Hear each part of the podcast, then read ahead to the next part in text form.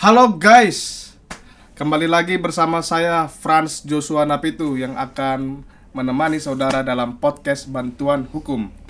Hari ini sangat spesial karena kita kedatangan Mbak Ika dari LRC KJHAM karena podcast hari ini kita sedang melakukan kolaborasi dalam rangka memperingati 16 Hari Anti Kekerasan Terhadap Perempuan dan juga dalam serangkaian peringatan Hari HAM di tahun 2020.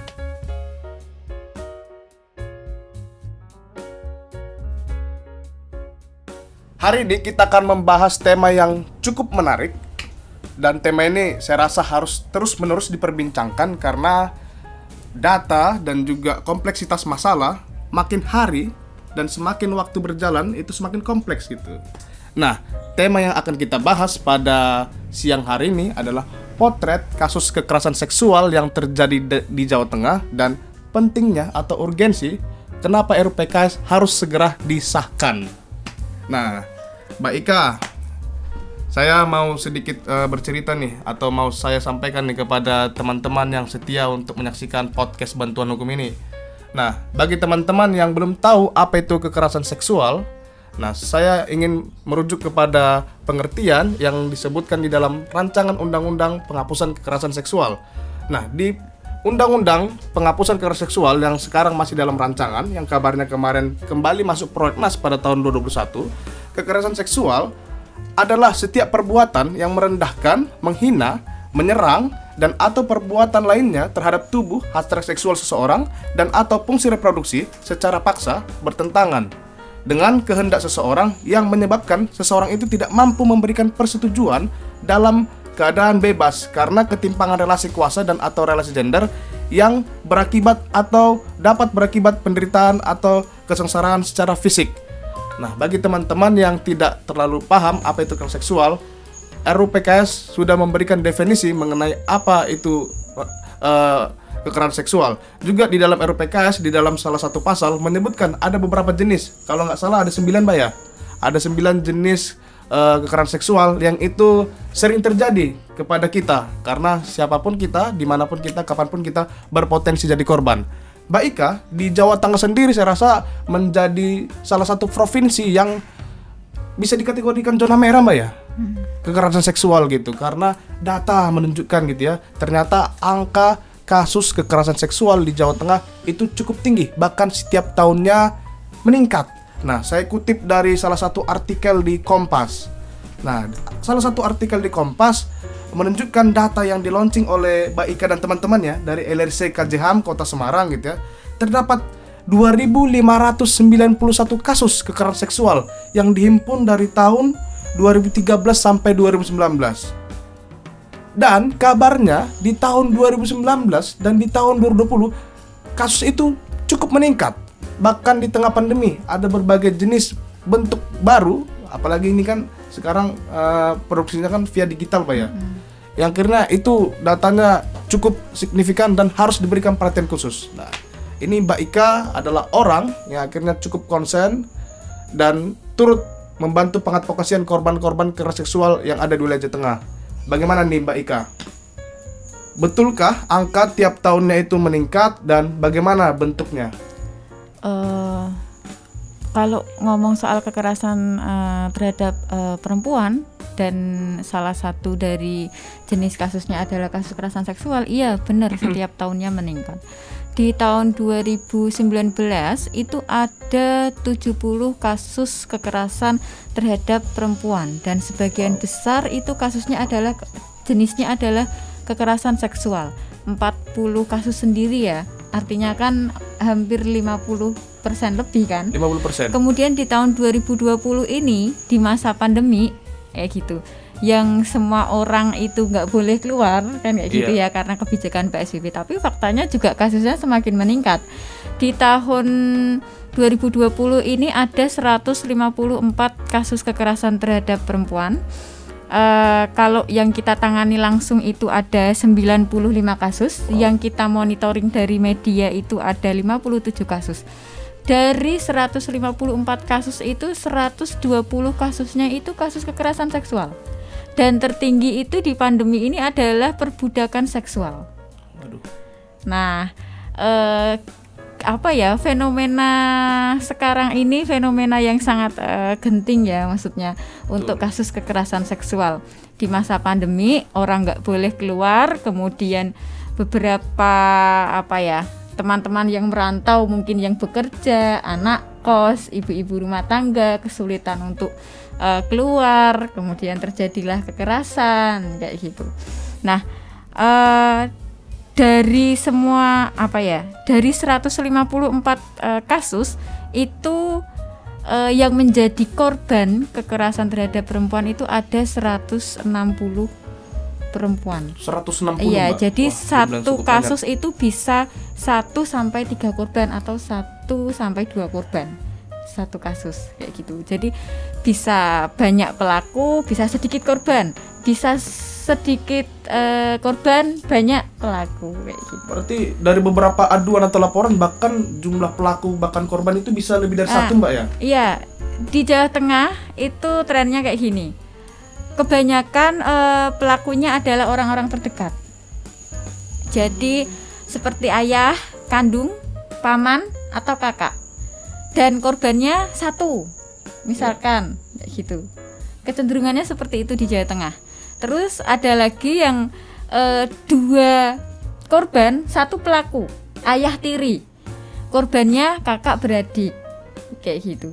Itu yang eh, fenomena-fenomena yang terjadi di wilayah kabupaten yang dia masih uh, akses informasi sulit untuk melaporkan sulit layanan juga masih terbatas yeah. di wilayah-wilayah yang seperti itu. Wah. Tapi jangan salah di kota Semarang juga tinggi, tinggi. juga ya. Kalau di kota Semarang gimana di gambarannya mbak? Kalau di kota Semarang eh, kebanyakan adalah kekerasan dalam pacaran oh. yang di dalamnya ada perbudakan seksual. Kekerasan dalam pacaran itu kan tidak hanya sek mengarah ke seksual saja ya, fisik, psikologis itu juga kekerasan dalam iya. pacaran. Ya. Tetapi e, seringnya adalah ini apa namanya e, mengarah kecenderungannya di tahun ini adalah mengarah ke perbudakan seksual atau kekerasan perbudakan seksual. Karena kekerasan seksual itu kan ada sembilan jenis ya, ya tadi yang tadi dikatakan. Salah satunya adalah ada perbudakan Betul. seksual. Ya uh, perbudakan seksual itu yang uh, hubungan uh, seksual yang dilakukan lebih dari uh, satu kali ya. Iya. Nah, dan di situ ada proses apa ya relasi kuasa kayak yeah. gitu relasi kuasa tidak di pemaksaan sekarang kan bukan zamannya pemaksaan yang diancam pakai pisau yeah, atau yeah. yang diancam dipukul tetapi kan pemaksaan sekarang itu kan modusnya lebih ini ya lebih halus ya hmm. uh, dibujuk rayu diiming-iming mau dinikahin dijanji-janjilah dibelikan mobil dicukupi kehidupannya apalagi di masa pandemi tetapi tetapi tetapi ini apa namanya uh, di balik itu semua nah ini terjadilah yang namanya kekerasan seksual, perbudakan seksual. Saya seneng loh dengan ke, uh, acara ini, podcast ini karena hostnya adalah laki-laki. Karena yeah. kita butuh uh, laki-laki baru yang berperspektif uh, tidak boleh menyakiti perempuan atau tidak boleh melakukan Siap. kekerasan Itu prinsip, seksual. Mbak. Nah, Siap. saya seneng makanya. Ah, begini Mbak, di kota Semarang sendiri kan ini ada beberapa kampus nih Mbak ya. Mm -mm. Dan saya rasa trennya tiap tahunnya ya mm-hmm. ada temuan-temuan nih di berbagai kampus gitu bahkan di salah satu kampus PTN di kota Semarang kan itu beberapa waktu lalu hmm. sempat ramai nih diperbincangkan dalam kampus hmm. bahwasanya ada temuan hmm. ada terjadi kekerasan seksual gitu. Nah kalau catatan dari LRC Kaziham bagaimana nih Mbak soal uh, kondisi kasus kekerasan seksual di wilayah kampus di Semarang atau mungkin Jawa Tengah? Apakah hmm. mungkin pernah ada aduan gitu dan bentuk-bentuknya biasanya seperti apa Mbak? Dan ini supaya bisa menjadi trigger atau ini sih ya peringatan kepada yeah, yang yeah. lain supaya okay. jangan sampai melakukan hal yang sama gitu. Yeah. Kepada kalangan muda khususnya ya. Betul ya uh, kalangan muda yang keren itu adalah kalangan muda yang ini ya menurut saya ya yang menghargai uh, hak asasi manusia dan tidak menyakiti manusia lainnya Betul. termasuk perempuan.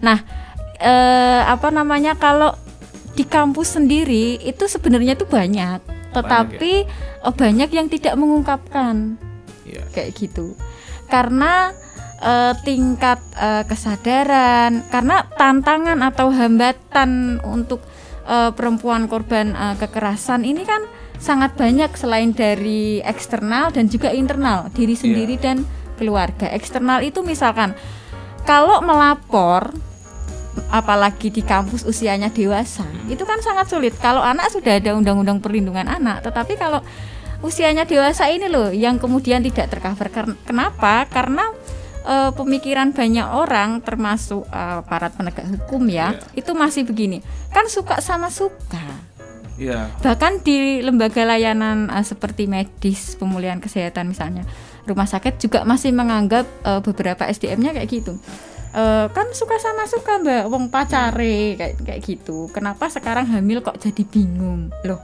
berarti cenderung menyalahkan iya, korban ya? nah kayak Aduh. gitu nah makanya kenapa itu yang membuat kemudian uh, korban tidak uh, apa namanya melaporkan yang uh, ke, apa ya kekerasan seksual yang dialaminya. Misalkan contoh uh, kita pernah ada kasus juga pengaduan dari beberapa pengadilan tinggi. Itu juga tidak tidak e, karena prinsip dari penanganan kasus adalah kasus kekerasan terhadap perempuan kita ada ini ya prinsipnya adalah menghargai e, keputusan korban. Yeah. Kalau korban ngomong tidak dilaporkan, kita akan hargai oh. itu. Kita tidak boleh meninggalkan suara korban. Kalau kita sampai meninggalkan suara korban, kita melangkah duluan, hmm. itu artinya kita sudah men menciderai uh, prinsip yang sudah ada. Jadi suara korban itu penting untuk kita dengarkan kayak gitu. Jadi ketika di kampus itu kebanyakan adalah tantangan dari diri sendiri dan keluarga. Yeah. Kemudian eksternalnya adalah dari pihak kampusnya sendiri. Yeah. Karena hmm. nanti pasti ada ancaman untuk di DO, apalagi kalau pelakunya Dengan melindungi iya, nama baik kampus. Nah, nah, apalagi yeah. kalau korbannya adalah orang-orang atau pejabat yang ada di ya, kampus. Wah, itu sangat sulit yeah. sekali. Nah, uh, tantangan internal pada diri korban itu sulit untuk mengambil keputusan, keputusan untuk bilang saya ingin memproses tak korban juga dia yang tahu situasinya bukan kita pendamping yang tahu situasinya. Ketika saya memutuskan untuk memproses yang terjadi pada saya adalah ini mbak ini mbak ini mbak. Yang terjadi hmm. padanya tuh enggak nggak dampaknya tuh nggak hanya uh, satu tetapi berentet. Dan itu seumur hidup. Bahkan ada kok yang sampai sekarang itu nggak nikah nikah ada. Karena kekerasan karena seksual. psikologis yang dialamin mbak? Bukan karena setiap uh, dia ngeklik itu tahun 2015 waktu hmm. kita ada apa ya uji coba pendokumentasian pengalaman korban kekerasan seksual ketika kita ngeklik nama dia itu surat putusannya muncul loh kasusnya muncul loh Nah, bayangkan ketika calon suaminya tahu itu gara-gara itu benar terjadi itu. Kasusnya sudah tahun 2008-an. Kemudian dia mau menikah di tahun 2015. Ketika dia ketik namanya si korban hmm. muncul langsung dan muncul ya, langsung ya, muncul iya. Putusannya it, kasusnya seperti apa bayangkan itu iya ya. waktu dulu kan belum booming ini ya RUPKS ya maksudnya uh, kita masih pada proses tahap advokasi untuk yeah. tidak merahasiakan identitas korban, hasil putusan hmm. kayak gitu ya. Nah itu muncul loh, bayangkan. Jadi memang tantangan internal ini yang jadi nggak bisa konseling satu kali dua kali harus berkali-kali bahkan ada yang konseling tiga tahun baru memutuskan akan mengangkat kasusnya. Dan yeah. dia tiga tahun itu bertahan loh sama pelaku bayangkan. Bertahan untuk tetap uh, menjadi pemuas uh, nafsunya pelaku. Baru tiga tahun kita kuatkan baru dia melapor. Itu yang terjadi karena tadi ya tantangan internal tadi untuk melapor itu susah. Apalagi keluarga wong kue cah kuliahan. Yeah. mosok yo kue melakukan ini ya. Kayak gitu kayak gitu loh.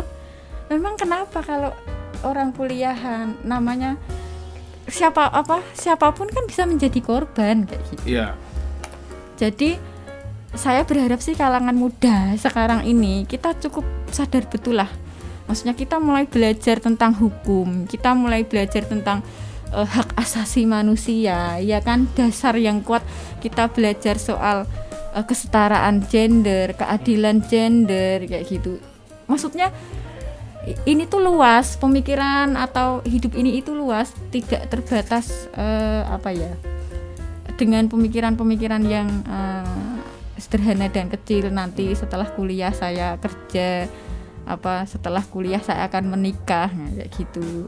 Jadi istri yang baik di rumah misalkan kayak gitu. Tapi kita ayo luas bahan bacaan kita pengetahuan. Akhirnya kan kita bisa menularkan ke pasangan juga toh untuk tidak melakukan kekerasan seksual Nah, ini Mbak ngomong-ngomong soal tadi ya, ada kasus kekerasan seksual di dalam kampus gitu. Ternyata dari beberapa temuan teman-teman gitu ya, uh, selain memang tidak ada upaya serius dari kampus untuk akhirnya mengusut gitu ya, atau menuntaskan persoalan KS yang sudah menjadi temuan, ternyata beberapa kali malah cenderung ada stigmatisasi atau reviktimisasi. Jadi korban ini menjadi korban ulang atas kasus kekerasan seksual. Karena kadang kala ya diperiksa gitu ya. Terus malah misal pemeriksa itu menyalahkan gitu. Nah kenapa mau gitu? Atau bahkan memunculkan pertanyaan-pertanyaan yang akhirnya membuat trauma lama itu akhirnya datang lagi gitu kan. Jadi tadi bilang nih misal tiga tahun gitu. Bahkan ada yang sampai misal bertahun-tahun itu sulit hilangnya gitu kan. Karena masih membekas di bayangan dan selalu menghantui gitu. Nah di teman-teman eh, kampus saya gitu mbak dunia sebenarnya kita kemarin mendorong sih supaya ada aturan eh, yang konkret gitu atau mungkin aturan tegas untuk penanganan. Karena ini kan butuh aturan khusus mbak ya? Iya. Bahkan di eh, eh, pidana pun ya ini kan masuk kategori pidana khusus. Dia bukan pidana umum karena dia bentuk kejahatannya harus diperhatikan secara serius gitu. Nah dalam kampus kita kemarin mendorong nih supaya ada aturan gitu karena kejadiannya itu di beberapa kampus terbukti. Misal kita masih tidak asing dengan istilah eh, saya akni gitu yang terjadi di UGM ya. Nah di sana kan terjadi kasus KS di mana korban akhirnya memunculkan atau mungkin eh, eh, membuka kasusnya kepada publik yang harapannya sebenarnya supaya ada penanganan serius terhadap kasusnya. Ternyata malah eh, ini kampus itu tidak serius bahkan malah cenderung menyalahkan korban gitu. Jadi korban itu jauh dari kata adil yang dirasakannya gitu. Nah LRC punya pandangan nggak mbak? Seharusnya bagaimana gitu? Ada satu kampus di Jawa Tengah yang baru aku tahu ya itu eh, menyebut merek gak apa-apa ya? Boleh ya, ya salah satu kampus gitu aja Eh, salah satu kampus salah satu kampus Islam negeri itu yang sudah menerapkan SOP pencegahan dan penanganan kasus kekerasan seksual. Keren nggak Wow. tuh? Nah eh, ini sedang digodok oh SOP-nya sudah disahkan cuma eh, untuk teknisnya ini sedang digodok sama teman-teman apa dosen-dosen PSGA-nya sama Fakultas Hukum dan beberapa fakultas lainnya dan juga melibatkan mahasiswa. Salah berarti itu bisa kampus. dijadikan percontohan berarti Ah, ya? itu bisa untuk dijadikan meminimalisir ya Iya, betul sekali. Jadi gini, eh justru kalau ada terjadi kekerasan seksual, eh, entah akademisi atau entah perguruan tinggi atau institusi eh, pendidikan SMA, SMP atau SD mau me- maksudnya mau benar-benar eh, terlibat menyelesaikan itu justru kan malah bagus ya menurut kita ya. Jadi poin plus artinya mereka tidak kemudian apa ya? Meninggalkan korban. Ta- Hmm. artinya mereka kemudian tidak lepas tanggung jawab di situ. Tapi mereka tetap eh, merangkul dan memberikan eh, solusinya. Ya. Nah eh, mindset ini yang perlu ditanamkan di beberapa institusi pendidikan bahwa tidak me- tidak mengeluarkan korban tetapi bagaimana bisa mencarikan jalan keluar kan kayak gitu. Ya. Nah, eh, kemudian juga apa ya?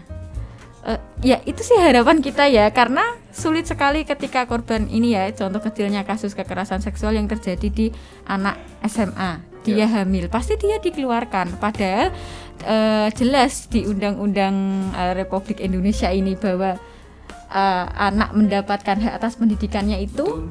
9 tahun. Sembilan Ta- tahun, ya. Nah, artinya kan ketika dia mengalami kasus kekerasan seksual, kemudian dampaknya adalah dia hamil, oke dia dikeluarkan, tetapi dia harus tetap bisa mendapatkan akses pendidikan karena itu dampaknya panjang loh dia dikeluarkan, kemudian eh, dia menikah, kemudian dia miskin karena nggak punya ijazah SMA misalkan. jangan sampai menghancurkan masa depan seseorang mbak ya Nah, Iya. artinya harus pemerintah harus sampai ke sana. Nah, makanya kenapa penting eh, rancangan undang-undang penghapusan kekerasan seksual ini eh, disahkan. Karena yang pertama kita lihat deh. atau mbak sebelum nanti Oh, kita iya, sampai iya, ke sana iya. ya. Nah saya mau ini dulu mbak. Eh, minta ini sharing soal pengalaman selama mendampingi atau mungkin ini mbak ya. Melakukan pengadvokasian terhadap kasus kekerasan seksual. Karena tadi kalau saya kutip gitu ya ada banyak sekali kasus ternyata yang terjadi bahkan di tahun 2020 bahkan hitungannya per Maret kita dihadapkan kepada pandemi COVID-19 mbak ya. Ternyata pandemi yang seharusnya bisa mengurangi angka mbak ya karena kita pertemuannya dibatasi, iya. kontak fisik kita hampir uh, sulit gitu ya. Ternyata malah itu meningkat gitu kan. Berarti berarti kan ini ada tanda tanda serius nih dan harus ada penanganan serius kalau menurut saya gitu. Nah, bagaimana nih Mbak sharing-sharing pengalamannya gitu ya selama mengadvokasi uh, korban gitu ya? Mungkin ada kendala atau mungkin ada apa ya halangan gitu selama melakukan pendampingan gitu Mbak. Oh, banyak sih kalau sharingan dari teman-teman pendamping termasuk saya. Apa ya? Yang pertama tadi ya hambatannya itu dalam diri korban sendiri yang Iya. masih eh, saya yang bersalah.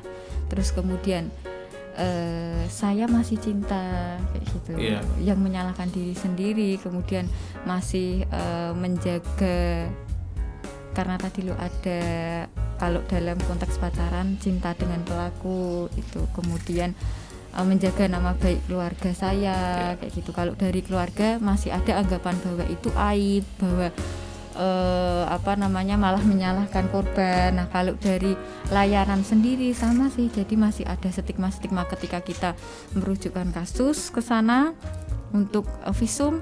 Oh pantas eh, diperkosa lawang pakainya saja rok Oh, mini ini gaya ya pakaian, ya? pakaian Padahal Ya, kemarin gitu. eh, ada Padahal- pameran yang sebenarnya Ah. membuktikan tidak ini kan, tidak Iya. ini tidak bergantung kepada jenis pakaian yang kita gunakan saya yang gitu. berjilbab aja bisa jadi korban Iya, kan? malahan kebanyakan kasus yang kita tangani yang mengadukan malah teman-teman yang pakai jilbab loh yang malah standar berpakaiannya malah oh iya ya. nah artinya kan Iya. tidak terbatas pada itu kemudian juga kalau di tingkat kepolisian sama stigma soal ini sih Eh, kan suka apalagi kalau yang dewasa Iya. kan ini suka sama suka mbak nggak bisa Terus diproses gitu ya? iya malahan korban dan pendamping itu disuruh mencari alat bukti sendiri loh Waduh. Nah, di beberapa daerah visum itu masih bayar, bayangkan. Bayangkan Hmm. kalau itu korban kekerasan yang miskin, misalkan katakanlah bayar visum itu eh, apa ya? Sudah jadi korban, disuruh bayar, belum lagi dampak psikologisnya. Kalau kita ngomong soal tantangan pendampingan itu sangat banyak sekali. Selain tadi ya stigma, kemudian juga malah dilaporkan balik sebagai pelaku. Apalagi kalau Jadi saya misal korban nih, Heeh. terus saya membuat pelaporan, Heeh. terus malah ada ini upaya serangan balik. Ada, Itu ada. sering terjadi, Mbak. Oh iya. Pencemaran nama baik itu loh. Iya, terus kemudian gitu, Mbak, ya. Nah, terus kemudian juga diserang dengan undang-undang pornografi kalau dia lewatnya online. Digital, nah, sekarang kan lagi padahal sekarang lagi jam kekerasan berbasis gender online itu kan sedang marak-maraknya banyak- di banyak, pandemi iya. Nah, kayak gitu. Kemudian didamaikan. Bayangkan. Didamaikan dengan pe- pelaku cuma Iya. kasih uang ganti rugi nanti tak biayai sampai melahirkan aja enak banget kan padahal, gede kayak anak iki sampai itu tidak mengenal kata damai, Mbak ya. Itu kan iya tapi kan bahasa hukum eh, privat ya. hukum pidana juga tidak mengcover kekerasan-kekerasan seksual yang Betul, selain iya. dari perkosaan pencabulan Ya, deliknya masih terus terbatas. iya terus sama apa sih seksu pelecehan ya Iya. asusila ya tindakan Iya, tindak ah asusila. Itu Jadi kalau di KWP kan memang deliknya masih terbatas karena itu kan produk lama mbak ya. Dan kasus-kasus itu tiap harinya trennya makin Iya, makin baru, makin beragam, bertambah gitu. Ah. Iya, semakin beragam kayak gitu.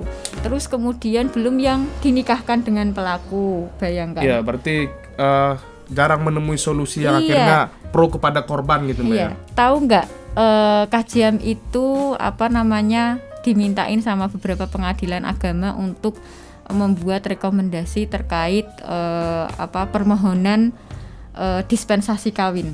Kan sekarang kalau mau nikah belum usia 19 tahun Iya. harus ada dispensasi kawin. Iya. Rata-rata ke hasil konselingnya Hmm. eh, catin perempuan, catin laki-laki orang tua. Hmm. Rata-rata itu mereka sudah melakukan hubungan seksual. Wow. Nah, bayangkan. Artinya perkawinan anak pun juga dikontribusikan dari itu tadi loh. Kekerasan seksual yang terlanjur terjadi kemudian dinikahkan dengan pelaku. Bahkan yang diperkosa bapak ibunya untuk menutupi aibnya ini sama penjual cilok. Dinikahkan loh sama penjual cilok. Padahal itu si perempuannya tuh bukan pacarnya, nggak tahu dan nggak mau. Tapi orang tua menganggap itu aib dan gue kudu nikah sama itu. Bayangkan. Nah, ini mbak, eh, tadi di Jawa Tengah gitu ya, tadi sudah disampaikan data bahwasanya angka kekerasan seksual begitu tinggi bahkan setiap tahunnya dia mengalami peningkatan gitu ya. Dan kalau mau dibuka data secara nasional gitu kan Komnas Perempuan itu sudah merilis uh, per tahun 2019 ada 431 ribu kasus kekerasan seksual gitu kan yang terjadi uh, pada era 2019 dan di tahun-tahun sebelumnya gitu. Nah, ini kan akhirnya menunjukkan ya dan akhirnya memberikan legitimasi bahwasanya Indonesia darurat kekerasan seksual. Hmm. Namun kenapa rancangan undang-undang penghapusan kekerasan seksual tak kunjung disahkan gitu? Walaupun kemarin-kabarnya kembali masuk ke prolegnas gitu, hmm. tapi kita juga tidak paham nih bagaimana ke depan gitu. Nah, Mbak Ika bagaimana nih Mbak? Seberapa penting sih RUPKS itu loh? Penting sekali ya, karena tadi yang sudah saya sampaikan, KUHP uh, eh, hukum eh, undang-undang sekarang belum bisa ya. uh, apa ya mewadahi Pasti semua hukum jenis kita masih ya, terbatas gitu mbak ya? Ya masih ya. terbatas, belum bisa. Kemudian uh, kasus kekerasan seksual itu semakin meningkat angkanya. Kemudian tantangan untuk korban ketika mengakses hak-haknya itu juga masih sangat uh, sulit kan kayak gitu. Nah, itu uh, yang menjadi penting ke, uh, kenapa undang-undang penghapusan kekerasan seksual ini harus disahkan karena uh, ruang lingkup dari rancangan undang-undang sendiri ini adalah apa namanya pemenuhan hak korban. Iya, berarti kemudian, dia punya perspektif pro korban. Iya, ya, kemudian uh, ada juga pencegahan di dalamnya. Ya. Kemudian memikirkan soal uh, pemulihannya korban, kemudian ya. memikirkan soal penindakan pelaku dan yang terpenting adalah ada partisipasi masyarakat. Artinya ini adalah undang-undang yang progresif yang melibatkan semuanya dan tidak hanya mementingkan uh, apa ya ketika di kuhab itu kan pengaturan lebih condong ke pelaku. Nah, ini juga korban dipikirkan sampai pada proses dia pulih atau kasusnya uh, berproses di pengadilan selesai kayak gitu. Nah, ini artinya undang-undang yang uh, sangat uh, sangat apa ya sangat bagus tetapi memang banyak yang kontra terhadap undang-undang ini karena tidak memahami substansi yang sebenarnya ah kuncinya di situ mbak ya mm -mm. tidak ada kemauan untuk akhirnya belajar atau mungkin membaca gitu mm -mm. substansi yang benar padahal sebenarnya hukum ini adalah produk hukum yang responsif mm -mm. karena dia hadir untuk memenuhi kebutuhan atau aspirasi dari masyarakat gitu iya ini, ini kan berangkat dari maraknya kasus kekerasan seksual mbak ya iya. dalam artian ini kan menjadi kebutuhan atau prioritas jadi bahkan. perjalanannya ini tuh oh apa ya perjalanannya rancangan undang-undang ini itu bukan ujuk-ujuk muncul kayak undang-undang yang singkat-singkat itu ya yeah. disahkan tiba-tiba. Tapi perjalanannya ini itu kita benar-benar melakukan uji coba pendokumentasian pengalaman korban tuh Kajian juga melakukan beberapa layak lembaga layanan kayak kita melakukan bagaimana ini oh yang terjadi pada korban. Akhirnya sampai terumuskan NA sampai terumuskan RUU perjalanannya tuh benar-benar dari situ ya. kayak gitu. Kemudian uh, sudah masuk prolegnas di leg legislatifnya itu tadi kalahnya di situ. Ketika sudah di sana ada pihak kontra yang masuk misalkan yang nggak setuju dengan undang-undang ini. Nah ya sudah. Tapi saya akhirnya coba ini mbak ya mengulas-ulas atau menganalisa beberapa argumen yang kontra. Kebanyakan memang nggak masuk akal sih. Iya Dan iya. sialnya memang itu diproduksi secara masif gitu iya. kan. Dan jarang sekali misal itu didiskusikan atau dialogkan secara ilmiah atau akademis gitu. Iya. Nah saat ini kan uh, apa namanya rancangan undang-undang penghapusan kekerasan seksual ini sudah masuk prolegnas prioritas 2021, tahun ya? 2021 tetapi kita juga nggak boleh lega karena di urutan nomor 25 artinya kita Tuh. masih harus berperang lagi kan berperang lagi agar dia jadi dibahas. Karena kalau urutan 25 itu ya prioritas urutan 25 itu eh, kekhawatirannya adalah nanti nggak dibahas-bahas sama balik kan kayak gitu. Nah harapannya kita yang ada di daerah maupun nasional bisa bersama-sama memahami substansi dari apa itu kekerasan seksual, rancangan undang-undang penghapusan kekerasan seksual. Nah, kemudian mulai ini loh secara masif juga mengkampanyekan mungkin mungkin yeah. memberi informasi ke yang lainnya. Jadi semua pihak kayak gitu, organisasi masyarakat, organisasi keagamaan yang terpenting juga kawan-kawan mahasiswa kayak gitu. Mulai kita membangun pemikiran-pemikiran uh, apa ya yang baru yang tidak menyakiti yang lainnya kayak gitu.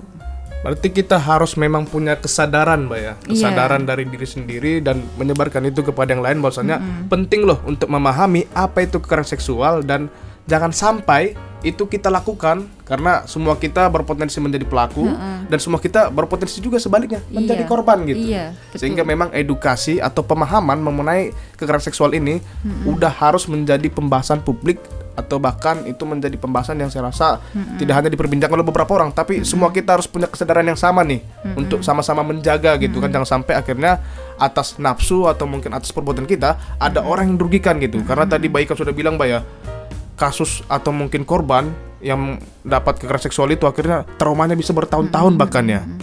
Iya. Dan Mbak Ika tadi sudah bilang nih pentingnya pengesahan RUU PKS. Jadi saya himbau nih kepada Bapak dan Ibu DPR yang berada di Gedung Senayan gitu ya. Tak ada waktu lagi untuk akhirnya menunda atau bahkan tidak mau lagi serius membahas rancangan undang-undang penghapusan kekerasan seksual. Karena fakta dan data sudah menunjukkan bahwasanya undang-undang ini memang sangat dibutuhkan gitu. Selain untuk akhirnya memberikan payung hukum yang jelas kepada korban kekerasan seksual, Undang-undang ini juga akhirnya memberikan pencegahan bahkan penyelesaian terhadap kasus kekerasan seksual yang terjadi di seluruh wilayah Indonesia gitu.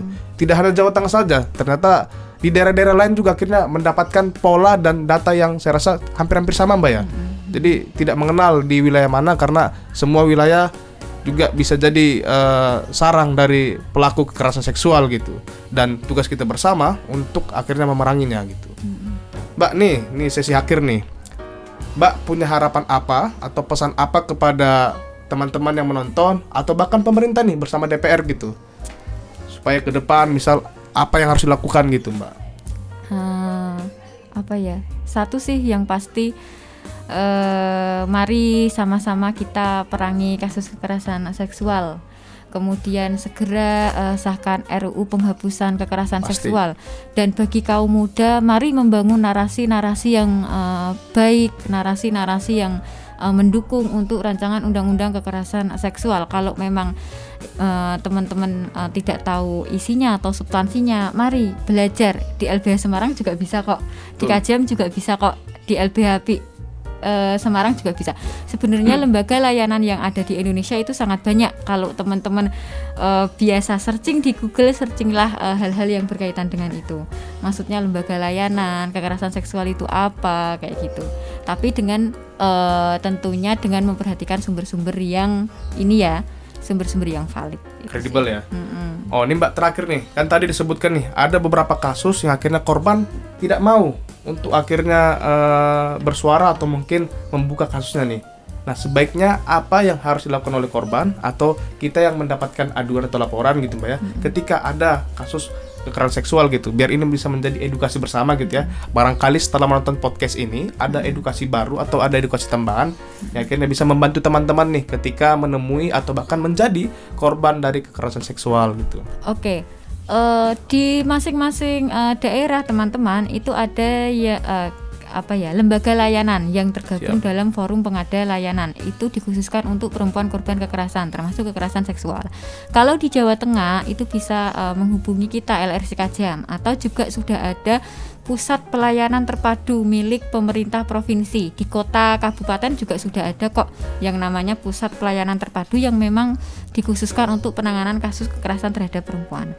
Nah, teman-teman jangan takut karena sekarang itu kan dunia digital banget ya. Ya. Eh, sekali teman-teman searching, teman-teman bisa eh, mendapatkan profil dari masing-masing lembaga atau kontak personnya. Ya. Jadi eh, jangan pernah takut melapor teman-teman atau mengadu.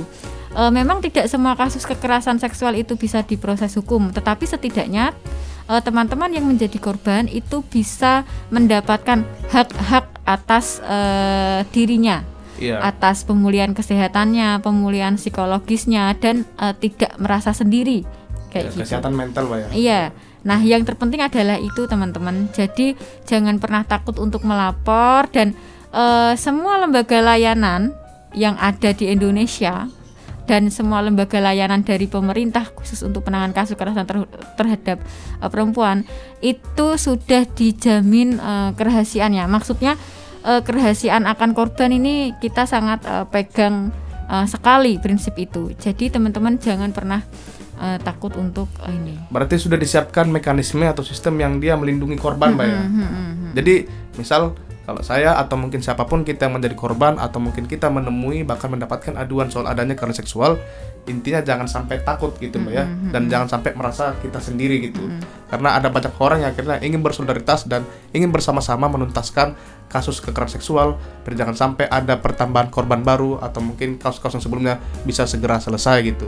Oke pemirsa sekalian sampailah kita pada ujung acara selama kurang lebih setengah jaman lebih ya saya bersama Mbak Ika menemani saudara dalam bincang podcast kolaborasi antara LBH Semarang dengan LRC Kajian Kota Semarang gitu ya.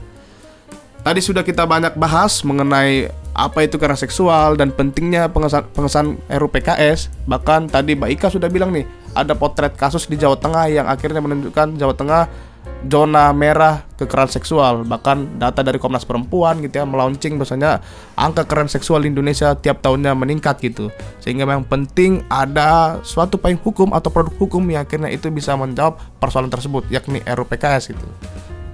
Sehingga Indonesia darurat kekerasan seksual dan saatnya mengesahkan RUU PKS menjadi undang-undang yang akhirnya berlaku bagi seluruh rakyat Indonesia gitu. Saya Franz Uh, mohon maaf kepada seluruh pemirsa jika ada kata atau kalimat yang menyinggung atau menyakiti perasaan teman-teman sekalian. Saya juga mengucapkan terima kasih banyak kepada Mbak Ika yang sudah mau nih untuk sharing-sharing kepada kita. Saya juga banyak mendapatkan pengalaman dan pengetahuan baru nih Mbak mengenai kekerasan seksual dan ini saya rasa menjadi pembelajaran bersama bagi kita semua supaya kita bareng-bareng membangun literasi mengenai kekerasan seksual dan pentingnya kesadaran kita untuk uh, tidak melakukan atau bahkan berpotensi menjadi pelaku gitu. Oke, itu dari kami. Uh, ini salam perut gimana nih Mbak? Ada jargon nggak Mbak? Hmm, kalau kita sih gerak bersama untuk sahkan RUU penghapusan Oke, kita tutup dengan jargon ya. Iya. Gerak bersama. Gerak bersama untuk mengesahkan RUU penghapusan kekerasan seksual. Oke, mantap.